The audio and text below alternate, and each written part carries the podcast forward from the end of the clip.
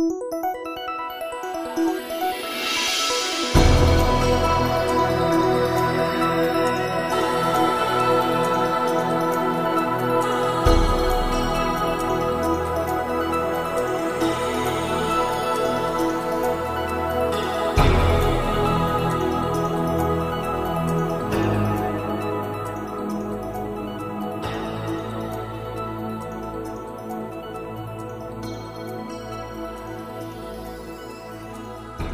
Сайн бацхан өрхөм сонсогчдоо Игэл радио 91.1-ийн радио жиргээ нэвтрүүлгийн энэ удаагийн дугаар эхлэхэд бэлэн боллоо. Тэгэхээр эрхэм сонсогч та бүхэндээ өнөөдөр бас Twitter орчинд өрнөж байгаа сонир сонирхолтой жиргээнүүдээс уншиж сонирхуулахаар сэтгүүлч Наран төгс Гамбайр нар ажиллаж байна. Тэгэхээр манай радио жиргээ нэвтрүүлэг маань 7 хоногийн даваагаас баасан гаригуудад 17 цаг 30 минутаас Игэл радио 91.1-ээр эрхэм сонсогч та бүхэндээ хүрч байгаа гэдгийг энэ дашрамд дуулгахад таатай байна.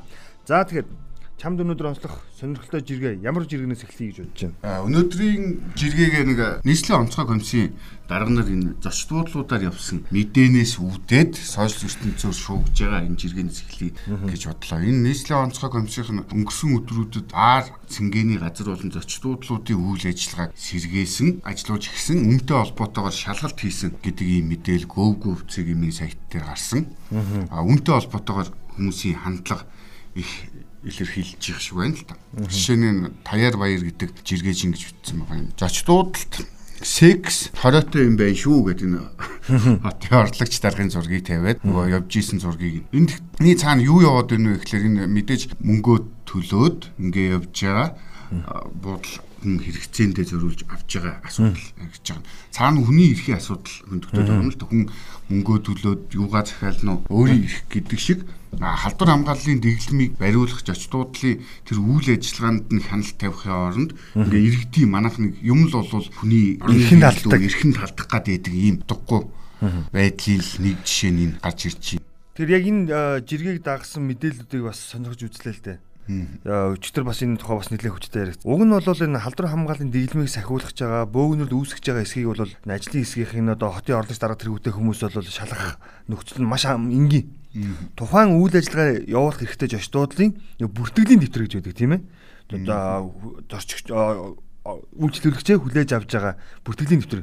Ингээд за нэг ортой өрөөнд нэг хүн орж уу эсвэл нэжгээд хүн орж уу гэдэг тэр бүртгэлийн дэвтрээс нь л харж болно. Гэвтэл энэ өрөөгөө онгоолго гэж гүйж ороод тэр өрөөнд нь за ямар ч хүн ямар ч нөхцөл байдалтай байх юм бэлээ хэцүү тийм үү? Эн чинь өөрөө нөгөө хүний ирэх гэдэг юм а манахан төрийн ажил хийж байгаа нэрээр ерөөсөө зөрчдөг юм үйлдэлүүд асар их байна л гэж хэлэх гээд байгаа. Хамгийн гол нь за ямар ч албан ажиллаарч бай ямарваа нэгэн хувийн зорилгоорч бай тухайн хүн зочд буудлаар орж үйлчлүүлэх зайлшгүй шаардлагатай болоод л орж үйлчлүүлж байгаа. Түүнээс биш баян цатгаландаа ч гэдэм үү эсвэл ямарваа нэгэн байдлаар юу гэдэг арай өөр муухагаар хэлэх юм бол тэр зугаат цэнхэхийн оронд цэнхэхийн тулд одоо зочдбуудлаар ордог гэж ойлгож болохгүй. Ямар ч нөхцөлд тухайн зочдбуудлаар тухайн хүн өөрийнхөө хэрэгцээд шаардлага гарсан нөхцөлд үйлчлүүлж байгаа болохоос биш. Тэгээд бусдаас юмаа одоо нуух гэдэг юм а бусдаас юмаа өөрийгөө тодорхой хэмжээнд хязгаарлах зорилгоор л энэхүү одоо үйлчлэгийг авч байгаа. Ер нь бол олон улсад нэг юм жишээ байдаг шүү дээ. Хэрэг та ямар нэгэн төрөөсийн үйл ажиллагаа одоо үйл ажиллагаанд оролцсон болол гэдэг ч юм эсвэл та тухайн зочдлыг төрөөсөлж орсон болол тийм үү? Өмнө төлөд нэг өрөөг нь авсан болол. За мөн ямарваа нэгэн цайны газар ч юм уу үйлчлэгээний нийтийн үйлчлэгээний газар дээр мөнгө төлөөд сууж байгаа бол мөнгө төлөөд суусан тэр хэсэг чинь таны эзэмшлэх шүү. Өөрөөр хэлэх юм бол тэр хугацаанд мөнгө төлөөд дуусах хугацаанд хүртэлх хугацаанд тэр хүн одоо хүний өмч шүү гэдэг ийм ойлголт үйлчлдэг Гэтэл манайд бол ерөөсөө тийм биш. Бүх юмыг нийтийн болгож харуулах гэдэг харах гэдэг нэг юм хүний эрх зөрчдөг нэг юм л зөксгүй үйлдэл яваад байгаа юм л да.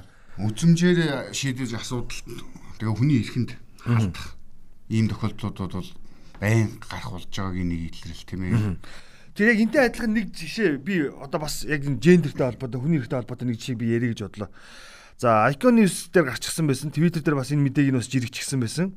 0-оос 3 настай хүүхдээ асарч байгаа ихэд сар бүр 50 мянган төгрөг олгож байгаа нь үндсэн хууль зөрчсөн гэж цэцгийн дүгнэлтийг гişүүд дэмжлээ гэсэн. Энэ яах аргагүй нөгөө хүний эрх талаас нь харах юм бол маш зөв шийдвэр гарчлаа гэж хараад байгаа юм л та. Бид нэр түүнээс биш гэртээ хүүхдээ хараад сууж байгаа эхийг ямар нэгэн байдлаар их мөнгө авлаа гэдэг тухайд яриаггүй. Өнөөдөр эрэгтэй хүмүүс магадгүй ирчүүд маань тодорхой хэмжээнд За мөн одоо ар гэрийн гачигдaltaй нөхцөл байдлаас ул болоод аав ээжийг асран хамгаалж байгаа, үр хүүхдээ харж байгаа ийм нөхцөл байдал зөндөл байгаа.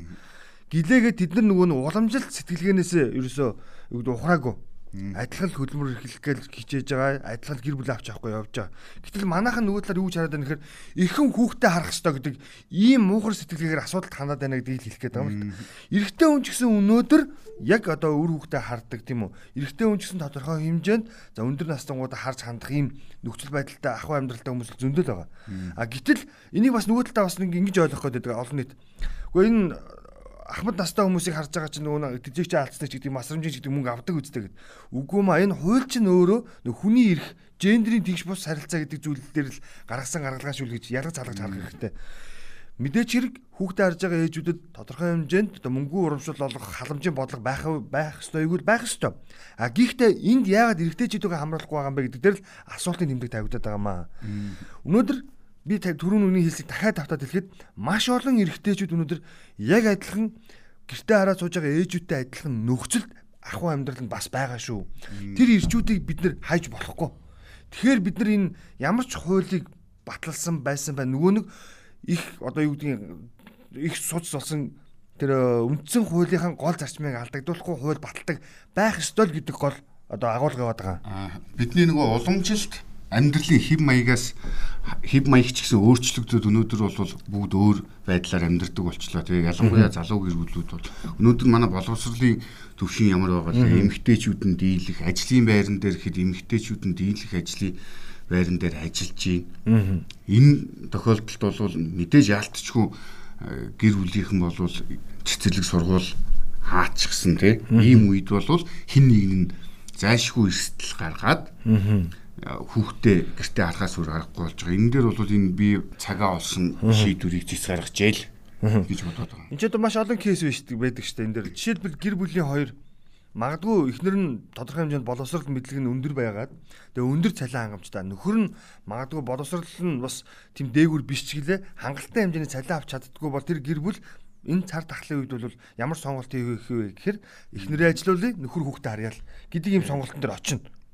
А тэгвэл яг одоо энтэй адилхан байдлаар жишээлбэл эмгтээчүүд хүүхдээ арсныхын төлөө төрөөс халамж хүртээ байж байгаа. Гэтэл ийм нөхцөлд ирчүүдэд бас тодорхой хэмжээний халамж байх ёстой юм шүү гэдэг л ийм агуулга яваад байгаа шүү. Түүнээс ээж нар ихлүү их мөнгө авлаа гэдэг асуулт ерөөс огт ярихдахгүй байгаа шүү гэж хэлэх гээд байгаа. За, миний дараагийн нэг онцолж байгаа жиргээ бол нэг ийм Америкийн нэгдсэн улсад суугаа элчин сайд за отгон баярын жиргээ дахиад энэ удаад бас дахиад онцолж байна Энэ их сонирхолтой жиргээ байсан. Юу вэ гэхээр за шинээр сонгогдсон ерөнхийлөгч Байден за Аз гаралтай Америкчуудыг гадуурхах явдлаа тэмцгийг яам агентлагуудад үүрэг болгожээ гэдэг. Энэ Joe Biden гэдэг хүн бол ерөнхийдөө ерөнхийлөгчөөр тангараг өргөснөөс хойш за ерөнхийдөө бол энэ арьс өнгөний үзлийг ялгарлан гадуурхах байдлыг бол ерөөхдөө арилгах ёстой гэдэг байр суурь бол хатуу байдаг ийм хүн. За өмнөх ерөнхийлөгч Дональд Трампын хувьд бол за цагаачлалын бодлого гэдэг нэрээр за ялгарлан гадуурхалтыг нэлээд дэврэгсэн ийм шийдвэрүүд явуулж исэн гэж үзсэн. За энэ ч үүднээсээ тэрээр бол за ингээд арьс өнгөний үзэлтэд тэмцэх хоёр дахь шийдвэр гарч байгаа нь. Эхнийх нь бол 20 долларын 20 20-ын за Америк долларын дэвсгэрт дээр за Америкийн нэгдсэн улсын ерөнхийлөгчдөөс анх удаа өнгөт арьстай хүний зургийг жишээлбэл 20 долларын дэвсгэр дээр одоо тавьж хэвлүүлэх ийм шийдвэр гаргасан. За тэр өнгөт арьстай нь ямар хүн байсан бэ гэхээр за Америкийн нэгдсэн улсад арьс өнгөний үзлийг эсэргүүцдэг За эмгтээчүүдийг ялангуяа эрхийг хамгаалдаг ийм мөнгө тарьстай эмгтээ тэмцэгч байсан. Түүхэн хүн. Тэр хүний дүрийг арьс өнгөний үзлийг одоо ерөөхдөө бууруулъя гэдэг зорилгоор энийг арилгах ёстой гэдэг зорилгоор энэ хүн маань за 20 долларын дэвсгэртээр өнгө тарьстай эмгтээ хүний за дүрс зураг бүхий одоо ийм Америк доллар хэвлүүлэхээр шийдвэр гаргасан нь бас түүхэн үйл явдал боллоо. Тэгвэл үүнтэй залгаад Аз гаралтай Америкчуудыг гадуурхах явдал бол ерөнхийдөө бол Америкт нэлээд сүүлийн за Трампын засаглалд бол нэлээд идэвчсэн байсан. Тэгвэл үүнийг арилган зогсоох ёстой. Тийм учраас за төрийн одоо монголоор бол төрийн яам агентлаг тамгын газрууд нь бол маш хатуу анхаарч ажиллаарай гэдэг ийм чиг үүрэг олгож байгаа. Магадгүй энэ нөгөө талдаа бас түүний дид ерөнхийлөгч нь бол Аз гаралтай өнгө тарьстай хүн бол анх удаа Америк нэгдсэн улсын түүхэнд дид ерөнхийлөгчөөр сонгогдсондоо бас холбоотой байж болох юмаа гэсэн ийм сэтгэлдүүд бол явж илаа. Гэхдээ энэ бол тэр хүн сонгогдсон гэхээс илүүтэй өнөөдөр дэлхийд даяар ялангуяа дэлхийд өөрсдөө тэргүүлэгч гэж хэлэгддэг Америкийн нэгдсэн улсын хувьд за арьс өнгөний үзлийн эсрэг иймэрхүү шийдвэрүүд гаргаж байгаа дээр бол бас олон улс бас тодорхой хэмжээнд талархалтай хүлээж байгаа гэсэн ийм мэдээлүүд бол хөрж байна. Гадуурх гаарсан юм нь бол нөгөө Трампын үед хятадтай хийсэн эдийн засгийн дайнтай холбогдтойгоор нэлээд өссөн баг тийм.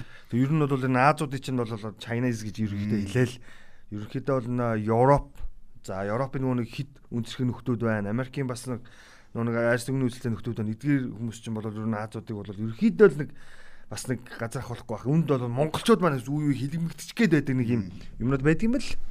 Энэ нэг мэдээллийн чанартай жиргээ байж энийг бас чи ер нь өрхийн имлгүүдээр 3-аас 5 настай хүүхдийн саа хүчний вакциныг хийж эхэлсэн юм байна.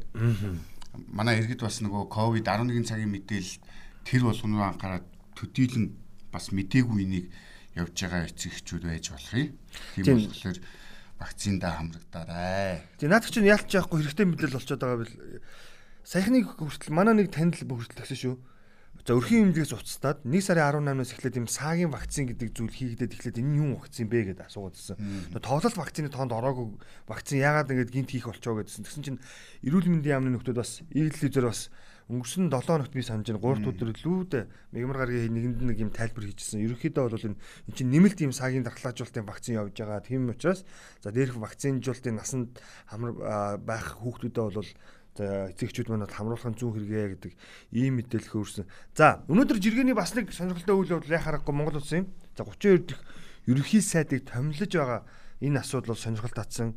За энтэй холбоотой жиргэнүүд бол өстой хар мянгаараа гэдэг шиг хичнээн жиргээчүүд энэ баг худалч хүнд нөө жиргээч болгоод ерөөхдөө бол ерөнхий сайттай холбоотой мэдээллийг бол өөрсдийнхээ зөвөөс өөр өөрсдийн харах өнцгөрөө бол битсэн байсан. За энийг бол жиргээчд маань өөрсдөө ороод харьцаж байгаа болохоор энэ удаад энэ сэдвийг түр орхиод хойлоо бусад одоо сэдвүүдээр ярьсан зүгээр болов гэж би ховдоо бодож байна.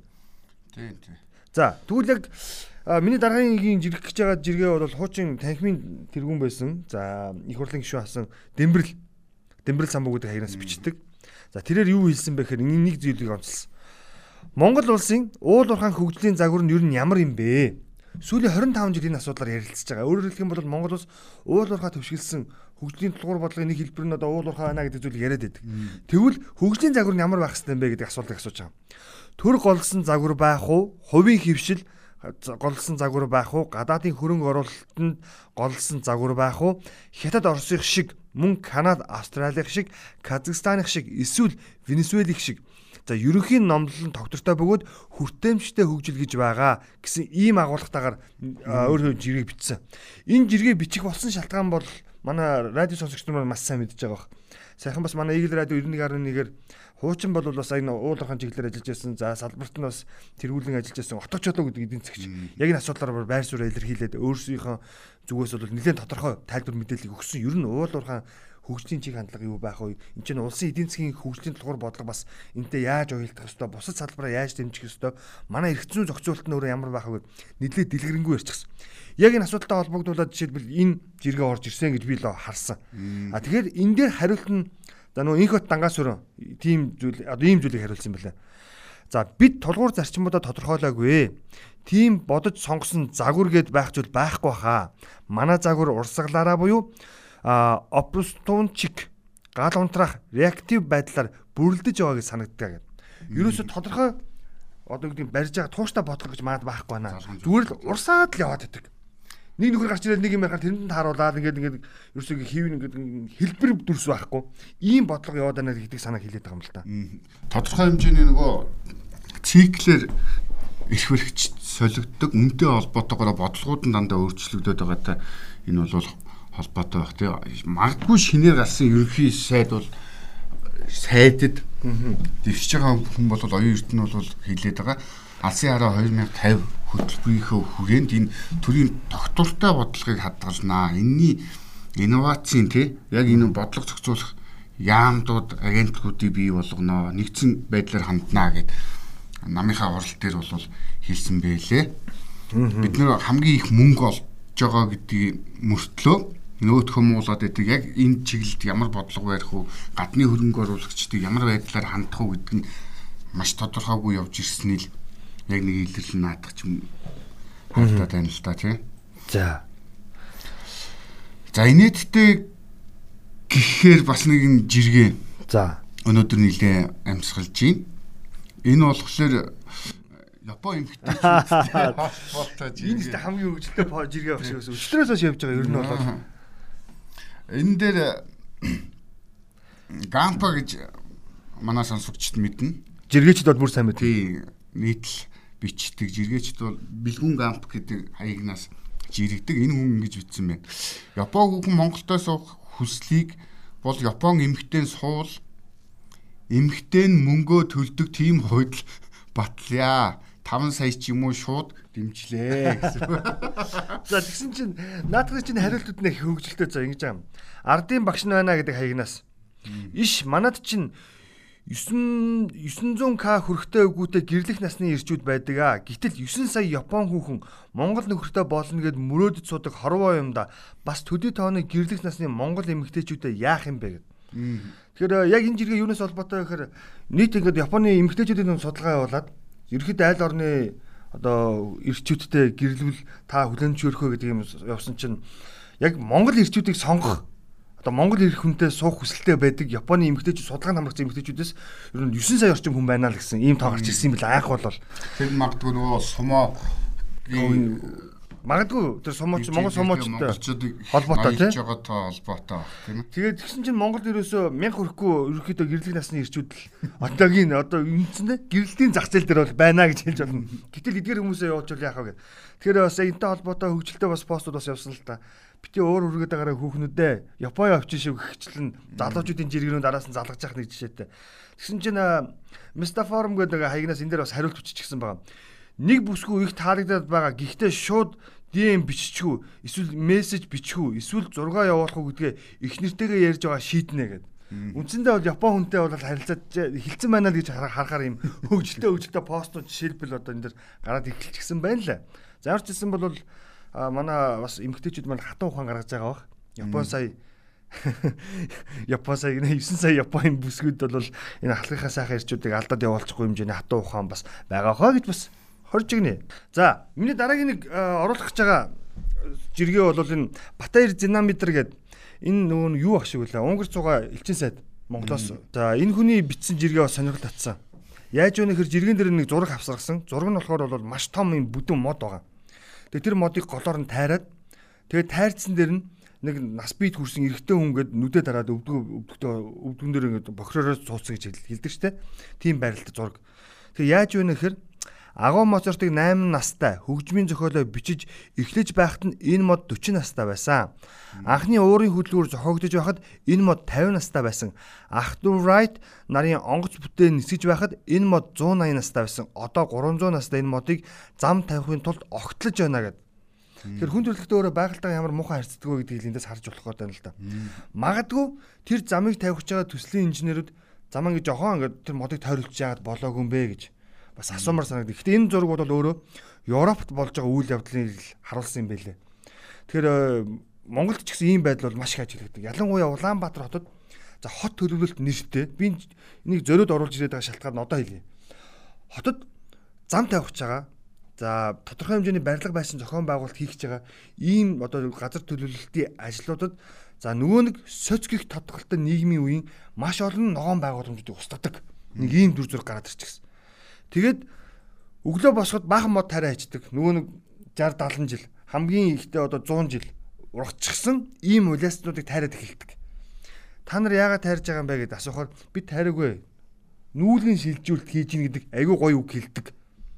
За энэний миний мэдэж байгаа хоёр хамгийн сүүлийн хоёр том одоо ногоон байгууламж устгагдсан ажил бол нэг нь за энэ олимпийн гудамж байдаг тийм үү? Гадаад ирэлцээний яамнаас ингээд маршалын гүрэл үхсэх зам дээр гүүр тавигдсан. Замын цагтаа хүртэх зам руу. Тэгэхэд үндэсний соёл амралтын хүрээлэнгийн зам дагуу байсан моднуудыг яг энэ замын өргөтгөлтэй холбоотой ажилтайгаар 10-аад ийм том улиасуудыг ухаж гаргаж ирсэн. Хөрөөдөд аччихсан. Хаашаа шилжүүлэн суулгасан бэ гэдэг нь одоо тодорхойгүй. Ямар ч зүйл аваа аччихсан. Хоёр дахь нь удирдлагын академиас за их хэмжээний Сүхбаатарын бас нэг жижиг хөшөө өгдөг ч тийм ээ. Ингээд зох босоо хөшөө өгдөг. Нэг хүрэл баримл байдаг. Би одоо хүрэл баримл гэж харсан л да. Ингээд тэрний хажуугаар шинэ орон сууцны хороолууд бариад эхэлчихсэн. Гэтэл яг тэр хорооллоод зориулаад ингээд том асфальтын зам тавихын тулд тэр дагуу таригдсан байсан. Нөгөө нь удирдлагын активэд маш олон жил суралцсан манай эрдэнэм докторуудын нөгөө нэг одоо сургууль төгснөхийн баяраа тэмдэглээд суулгаж суулгаж байсан 50 60 жилийн түүхтэй нөгөө хуулиаснуудыг дахиад л аваад аваад хөрөөд хайчихсан. Ийм дүр зураг нийслэл хотод асар их байна. Бид өнөөдөр ногоон байгууламжаа барьдаггүй хэрнээ бүтээдэггүй хэрнээ устгадаг. Уг нь ногоон байгууламж чи өөрөө хамгийн энгийн жишээх юм бол өнөөдөр их хотын шүдний өвчин болчихсон агарын бохирдлыг бууруулахад маш үнэтэй үүрэгтэй ийм зүйлүүд байгаад байдаг. Тэгээ жил болгоно нөгөө нэг бид мод тарина гэж шоуддаг. За элбэг дөрж ерөнхийлөгчийн үеэс бол жилд 2 удаа мод тарьдаг шоу эхэлсэн. Нэг нь 10 дугаар сард, нэг нь 5 дугаар сард. Гэтэл энэ хоёр жилд хийгдэж байгаа хоёр шоуны үр дүнд хитэн мод өнөөдөр яг биелэлээ олж ургасан бэ гэдгийг асуухад бас хэцүү. Хэлбэр төдий. Тэгээ бүр манай зарим сэтгүүлчид би санаж байна. Манай сонсогчд бас зарим нь бол иргэн санах бах. За ярамгаас буюу буян тухайгаас за ингээд ярамгийн гүүр хүртэлхийн зам дагуу ийм тодорхой хэмжээнд Японы төслөөр ингээд цэцэрлэгжүүлэлт ногоон байгууламжийн асуудлыг шийдэх юм ажил зохион байгуулагдаж байсан. 2000 оны ихэр. Тэгээд үүний дагуу бол манай нэг сэтгүүлч за одоо бол нэрийн дурдаад яг нэг сэтгүүлч бол биччихсэн. Нэг нүхэнд 3 хилээ гэж. Үндсэндээ буян тухагаас ярмын гүр хүртэлхийн зам дагуу маш олон компаниуд, маш олон төсөл нэрээр, маш олон төрлийн байгууллагууд мод тарих ажлыг зохион байгуулсан байдаг. Гэтэл тэн чинь өнөөдөр хэдэн удаа мод ургасан бэ? Хичнээн мод нь ургасан бэ гэдэг. Мод нь ургад нүх нь байгаа дээ. Тэр шигээ дахиад дахиж тийм тариад байдаг байна. Тэр мод нь өгчгээр үгцэн мөчрийг авчаа дахиад нэг мөчрөө авчиж суулгач. Ингээд нэг нүхэнд 3 хилээ гэдэг чинь ерөөсөө энэ болчиход байна. Ийм байдлаар бид одоо ногоон байгууламжаа дэмжих ажлыг хийхгүй л гэж хэлэх гээд байгаа. Одоо бас нэг жишээ бол манай сонсогчид бас мэднэ. Нийслэлийн за нэгдүгээр хороолол гэж идэг. Хар Сапрогийн уулзараас 5 шарын гэрэлтэй тохионы уулзар хүртэлхийн зам дагуу мод тарих ажлыг жил болгон Улаанбаатар хотын захирагчийн ажлын албанаас зохион байгуулж хийдэг. Жил болгон уулын ургаа улиасыг ургаа нарснуудыг ингээд доотлолт боогод боогод ингээд багтаад хүлээ тавьчихдаг. Тэгээд жил болгон нэг турбаагаас төвшүүлж үзхийн пүрүүсээс төвшүүлж үзхийн зүсэн бүрийн юм бол төвшүүлж байгаа харагддаг. Тэгсэн чинь тэд нар ургадаггүй юм байна. Тэгээ хамгийн аимшигтай нь манай өмнө нь бас нэг сонсогч нар бас яг Twitter, Facebook орчинд биччихсэн юу бичижсэн бэхээр энэ уулаас авчирсан боч урахгүй болохоор чимээгүй солиод идэм байлээ гэдэг. Хүү хэдийн замд нь сольчтیں۔ гэсэн чинь өө наад бол чинь тэр тал дээр бол маш сайн ажилланаа. Өөрөө чинь маш том бизнес. Ингээд уулнаас мод авчирж байгаа нэртэй нөгөө талдаа урд хөршөөс мод ногоон байгууламж нэртэй бахан мод оруулж ирдэг бизнес байдаг юм аа. Наач бүлгэлэл байдаг юм. Тэгэл ингээд хавар болохоор Ерөөсөө ингээл Улаанбаатар хот ийм тэнд баахан ингээд ийм тэндээс авчирсан моднууд буюу дандаа урдаас оруулж ирсэн нэг нас сургуулиудыг авчирч ингээд суулгадаг ийм бүлэг компанид ажилладаг юм аа гэдэг. Тэгээ манай замын үүд 92-ийн л байгаа байдал тод жишээ шүү дээ. Тийм шүү дээ. Тэгээ яг энэ дээр бас нэг сонирхолтой юм хэлэхэд нэг буудал газрын хооронд буюу за хар орноос за цам гар хүртэлх ингээд за нэг километр хагасын талбай шүү дээ. Тэгээд замын голын ногоон байгууламжтай хэсгийг 3-аас 4 компани хувааж цэцэрлэгжүүлнэ гэдэг тендер авдаг. Нэг ийм сонирхолтой үйл явдал өрнөд өгдөг учраас би бас энэ постыг зориуд энэ жиргэг зориуд бас эрхэм сонсогчдоо бас сонирхолж хэлье гэсэн гадныхаа ингэж харамсдаг байна. 300 жилийн настай модон дээр бол ийм асуудал яригдж байгаа бол манайх жил болгон тарьдаг ногоон модныхаа асуудлыг яаж шийдэх вэ л гэж хэлээд байна. Энийний цаана маш их мөнгө эргэлтээд байна гэдгийг л тод жишээ байгаа юм л да. Яг энэтэй холбогдуулаад хууль зүйн сайд байсан Тэмүүжин жиргсэн байсан. Энэ авилгалыг авилгалчдыг бол хоёр ангилнаа. Махын эдшдэн өвсөн эдшдэг. Махын эдшд нь бол хэсэг хугацаанд байж байгаа томоохон юм олж олдог болвол өвсөн эдшд нь өдөр тутмын иргэдийн иргэдтэй холбоотой төрийн байгууллагын үйл ажиллагаанаас ингэ шимж сууж идгаа гэд. Энэ л байгаа нь л да жил болгон хайсвалдаг, мод тарьдаг ингээл өгдөг тий. Ерөөс тогтчлт нэртэй асар хэмжээний хөрөнгө яваад байгаа байхгүй тийч чаа. За дараагийн жиний жиргээ. Дараагийн жиргээ энэ улсын хурлын гишүүн Ганбаатар дээр хууль зүйн сайдын үүрэг гүйцэтгэгч гин тий одоо бол энэ хүн очисон Нямбатар Нямбатар очисныг нь булгаа булган заяа гэдэг жиргэж жиргсэн байгаа энэ их хөгжилтэй. Энэ одоо бүр ичнээ томилогдчихж байгаа аль сайдын яам юм бэ? Үгүй аль яамны сайд нь юм бэ гэд. Нямбатар гишүүн энэ дээр очихдоо нэг унгацсан байгаа. Тэр нь юу гэсэн бэ гэхлээр Манай засгийн газар Дубайн гэрээг цуцалж оюу толгойн хөрөнгө оруулалтын гэрээнд нэмэлт өөрчлөлт оруулнаа гэд. Багт болтон засгийн газрын гишүүн амлцсан гэдэг утгаар нь л энэ ёжилж хэлсэн юм шиг байна. Тэр энэ чинь бас ойлгомжгүй шүү дээ. Энэ хүн чинь одоо яг үннийг хэлэхэд одоо үүрэг гүйцэтгэгчид бол ямар эрх мэдэл байдаг юм бэ гэдгийг бас бодох хэрэгтэй. Нөгөө талдаа огцорсон засгийн газрын нэрийн өмнөөс ингээ өсгөлэн зарлаж байгаа эрхэм гишүүн дээр очиод амлалт өгөөд яваад байгаа нь бас хэр ёс зүйтэй үйлдэлөө гэдгийг л харахад. Тэгээ манай нөгөө хойлоо бол ерөөдөө радио жиргэн нэвтрүүлэг дээр бол тогтмол хэлж байна. Манай улс төрчдийн ёс зүй гэдэг зүйл зүйл хаана явнаа бас бас нэг дугаар дээр бол хэлжлээс уучлаарай гэдэг үгийг бас эднэрийнхээ өмнөөс дахин дахин хэлж яхад бас гимгүү бах. Эднэр маань бас байнга одоо юу гэдгийг зурд радио хөвлөлөөр бас яриад чадахгүй учраас бид тэрээс өмнөөс нь бас хаяа уучлаарай гэд хэлчмээр санагдаад байдیں۔ Яг иймэрхүү үйл гаргаад баймааргүй байна шүү л гэж. Тийм үү? Энэ бас нэг онцлог жиргээ байгаа нь PUBG-гийн дэлхийн аваргын авраг шалгаруулах тэмцээнд манай залуучууд оролцож оо ястаг гайхалтай амжилт үзүүлсэн байдаг шүү. 3 байранд орсон. Энэ бол нийтдээ 17 Чансаагаараа ямар ч хэлсэн 16-гаар тэргүүлэгч 16 гэж бичигддэг юм байлээ. Тэрнээс 13-т бичигдэж байсан. За тэгээд сүүлийн хагас финалтаас өмнө бол үндсэндээ тэргүүлж байгаа тэгээд нэг оноо алдаад яг 3 дугаар байранд орчихсон гэсэн мэдээлэл байгаа. Тийм 3 дугаар байранд ороод тэгтээ 284 сая төгрөг. Доллар биш үү? Сая төгрөг. А төгрөгөөр тооцоолоо. Аа за. Тийм мөнгө хийсэн юм байлээ. Энэтэй холбоотойгоор цогтбаяр гэж шог зураач манай сонсогч сайн мэднэ. Энэ хүн зурга зурсан байна. Ингэрийн 20-тай үед бол хүмүүст болоод энэ эерэг сэтгэл май хүмүн PUBG-гээ тоглоо гэд нэг аав зураг аав хүүтэй пад өгч байгаа зураг тоосон байгаа. Тэгээд тайлбар нь болохоор Зевс бурхны л ачи үү дээ. Гэх Зевс гэдэг нэртэй тийм манай залуучууд маань тамирчны алдар хямдхан болдоггүй гэд бид нар бас залуучуудынхаа аль болох энэ сүүлийн үед гарч ирж байгаа e-спорт гэдэг байгаа тийм энд нь бас нэг ойлгож анхаарал тавьбал амжилт үзүүлэх нэ гэдгийг тод илэрлэн л. Дэлхийдээ бас залуучууд хөл илэрж алхаж байна л гэдэг. Тийм яг энэ чиний саяны үзүүлсэн жиргэг бас өглөө уншсан л да. Тэгээд доотлол нь байгаа сэтгэлүүдийг харж агаад нэг зүйлийг онцолж хэлмээр байгаа. Ерөнхийдөө ямар ч төрлийн юм дооцонд харуулад явах юм бол бид амжилт гарах боломж бидэнд байна. Нүг хэтрүүлчихээр л нөгөөд чи ер нь ямар ч юм хэтрүүлэхээр хор болдог тийм ээ. Өнөөдөр бас цахим онлайн хэлбэрээр янз бүрийн тоглоомнууд бол хөгжчихсөн. За үүнд донтохороо нөгөө өсвөр насныхан манаас сэтгцийн хувьд бол асуудалтай болдог. За өнөөдөр сэтгцийн эрүүл мэндийн үндэсний төв дээр бол За юу гэдгийг 7-оос 12 насны ч гэдэг юм уу ийм хүүхдүүд бол яг энэ нөгөө нэг цахим тоглоомны хорд нөлөөнд автчихсан. За ингээд хордоод улмаар сэтгцэд нь ямарваа нэгэн байдлаар өөрчлөлт орчихсон зайлшгүй эмчилгээ шаардлагатай байгаа хүүхдүүдээс сөнгөөдөг. За ийм тасаг хүртэл байгуулсан шинээр. Шин тасаг хүртэл байгуулсан шүү дээ. PC-ний тасаг байгуулсан шүү дээ. Тэгэхээр ийм нөхцөл байдал руу оруулуулгүйгээр магадгүй те зөв талаас нь нөгөө хүүхдээ хөгжүүлэх тал дээр нь бас тодорхой хэмжээнд бас эцэгчүүд дэмжиж өгөх юм бол амжилт гарах боломж байна гэж хараарай л гэж хэлэх гээд байгаа. Түүнээс биш өө энэ нараа PC тоглосоор хагаад ийм их мөнгө хожичлаа гэдэг агуулгаар нь хүүхдээ бас тийш түлхэж болохгүй. Хэрвээ тэгэх юм бол наа чинь нөгөө хүүхдээ хөгжүүлэх биш хүүхдээ та эргээд хорлож байгаа магадгүй ирээдүйд бас нэг сэтгцэн өвчтэй ч гэдэг юм уу ядаргааны өвчтэй нэг ийм нөхрийг төрүүлэх нэ гэдэг. Сүүлийн үед бол яг харахгүй манай өсвөр насныхны донд За 15-аас нь 25 насных л гэж би хараад байгаа шүү дээ. Наны дунд бол ямар ч энэ цахимаар влог хөгжүүлдэг тийм ээ тоглоом хөгжүүлдэг за видео контентуудыг хөгжүүлдэг ийм нэг тийм давалгаа бол хүчтэй ороод ирчихсэн. Тэгээд өсвөр насныхан бол ингээ анзаарч хад миний танд хид хідэн өрхөд бол ийм айл хүүхд байдаг. Шүнөр ерөөсөө өрөөндөө ингээл хаалгаад хөгжөөл шүнжин сучдаг. Яг тэр нэг онлайн ертөнцийн хүм чинь болохоор Монголтой бол нэг цагийн өв зөрүүтэй байдаг. Тэгээ ингээд бүгдээрээ зэрэг харьцахад бол Монголын хувьд цагийн хувьд бол шөнөөр харьцаж таарад байдаг. Тэгээ өдөр нь унтдаг нэг юм хөвшүүл амьдралд орсон бас нэг хэсэг бүлэг байна. А гэхдээ мэдээч хэрэг тэр хүмүүс маань бас тодорхой хэмжээнд юу гэдгийг хязгаартай. За би энийг хэтрүүлэх юм бол хор болно гэдгийг ойлгочихсон.